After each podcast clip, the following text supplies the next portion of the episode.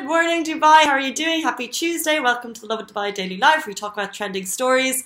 Today, we're going to talk about the fact that Emirates has opened up new flight destinations for people who want to go home, uh, which is pretty fantastic. We're also going to talking about the reopening of certain trading uh, activities, so commercial trading, um, which is kind of nice to see that there is going to be a little bit more activity happening in the city, and also the fact that there's going to be a message flying over the UAE soon to remind us to stay home and stay safe and the fact that there is now legal home drinks delivery. That comes at the end of the show, along with the isolation diaries. Uh, but first of all, we're going to jump into the fact that Emirates announced seven new destinations. So this is primarily for uh, um, for residents who want to be brought home to their home countries. You can only get on these flights if it is your home country that you're going to, and you'll also have to kind of follow the strict guidelines, which we'll get to in a second. Um, but just kind of a, a, recap on what Emirates has and is doing. Currently, at the moment, they're operating out of Terminal 3, and until yesterday, it was until uh, London and Frankfurt. They were the two they were operating to. Operating to. There were six destinations announced last week for only a limited time, and then London and Frankfurt um, were there yesterday, and now they've added these seven new destinations. So, along with London and Frankfurt, Jakarta, Manila, Taipei, Chicago, Tunis, Algeria, and Kabul and like I said, it's from Terminal 3. You need to be from that country if you want to travel to it. Um, and of course, the airline has implemented strict social distancing and hygiene procedures.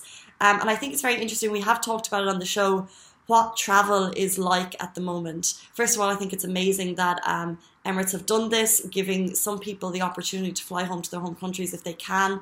Um, of course, it's on a, on a limited um, it's a limited capacity, uh, but you can get your tickets on Emirates on Emirates.com.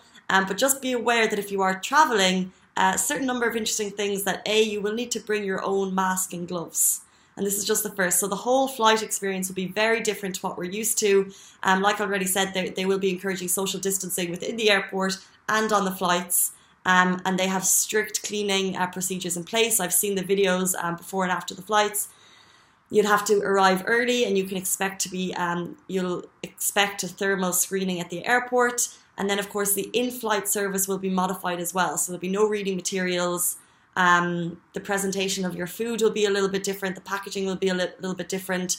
And for now cabin luggage is limited uh, to laptops handbags briefcase and baby items. So everything else will be checked. Um, but i do think of course uh, these have all been introduced for passenger safety 100% um, and if you're traveling, I think it's great to know that Emirates is doing everything to make sure the journey is safe as possible for you and, of course, for their employees. Um, so there are just a couple of things to be aware of. And of course, if you are traveling, definitely do check the criteria of the country that you're traveling to, and you can get that on IATA, which is the International Air Transport Association. Um, so worth taking note of. But I do think uh, as this is all happening and as this is ongoing, and if people are trying to fly home, it's great to see that the option is there for some people. And I'm sure they might be changed or expanded as everything is changing over a number of weeks. Which brings me on to our next story. So, the reopening of certain commercial trading activity has been announced, which I think is very cool. So, uh, we know that all commercial trading, um, the majority of it was closed apart from kind of the major uh, union co-ops, supermarkets, pharmacies. So everything else was closed, but now it's opened a little bit. I think traders are going to be very excited to hear about this. So meat trading, fruit and veg trading, um, mills, nut trading, co- uh, chocolate and sweets trading, uh, fish trading, coffee trading, and tea trading.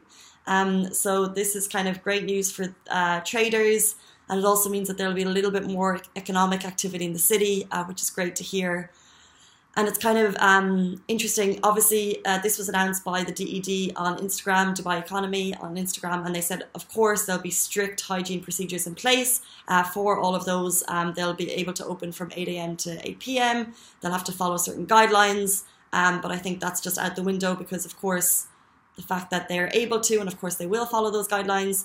Um, it's great to see a small amount of uh, rejuvenation into um, movement in the city. Uh, so I think that's fantastic. And a little bit of light news, a little bit light news this morning. Um, what is light news during COVID? Our isolation diaries are light news, but we'll get to those.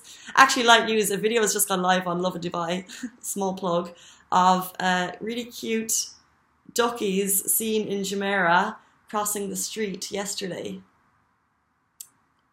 That's light news. How cute is that? And it's interesting. We've seen obviously a lot of like um, bluefin or we've seen lots of wildlife in the waterways of, at the moment.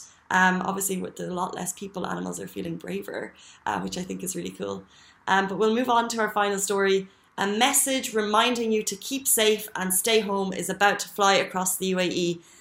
We saw beautiful photos of it starting in Abu Dhabi yesterday. It's courtesy of Abu Dhabi Aviation and it says dedication at work, safety at home. Um, and it's kind of this huge flag on top of a helicopter and it's going to fly through all of the Emirates. And I think people have spoken about how difficult it is to explain to kids kind of the severity of what's going on and why it's important that we're staying at home. And I know this is just a small gesture, but actually having a flag being carried across the Emirates over the coming days and being able to kind of maybe take your kids outside to be able to look up and see it flying um, will is a small way of being able to kind of I guess explain what's happening and show it's not just you know you're because I think we are able to understand whether or not we like it or not. The fact that we are cooped up, it's for the greater good. Maybe kids are less so. So the fact that you're able to be like, look, this is the government saying safety at home, um, is very cool. So of course we're seeing all of the amazing, um, all of the amazing kind of uh, testing and healthcare procedures, but the fact that this is something just to remind us to stay at home, something I think that uh, kids will be able to remember. Um, the, they'll also remember the moment by. Um, I think it's very special.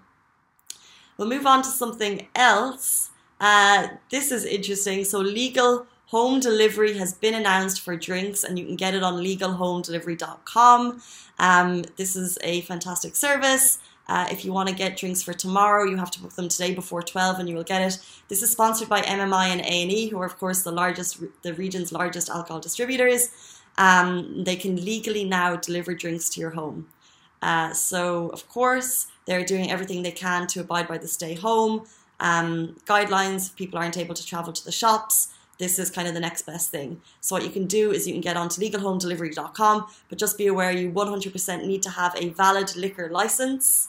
And if you're a resident or you have an original passport, excuse me, if you are a resident or an original passport if you're a tourist. So a tourist can, if you're a resident, of course, uh, you'll need to have the valid liquor license. So just be aware of those things if you are going to order. And that's legalhomedelivery.com. It's open now and you can get drinks delivered to your home. And finally, before we finish off every single day, our TikTok diaries, um, there's this like DJ theme going on. I'll play this one now. It's uh, I'll just play it now for like a few seconds. It's very loud.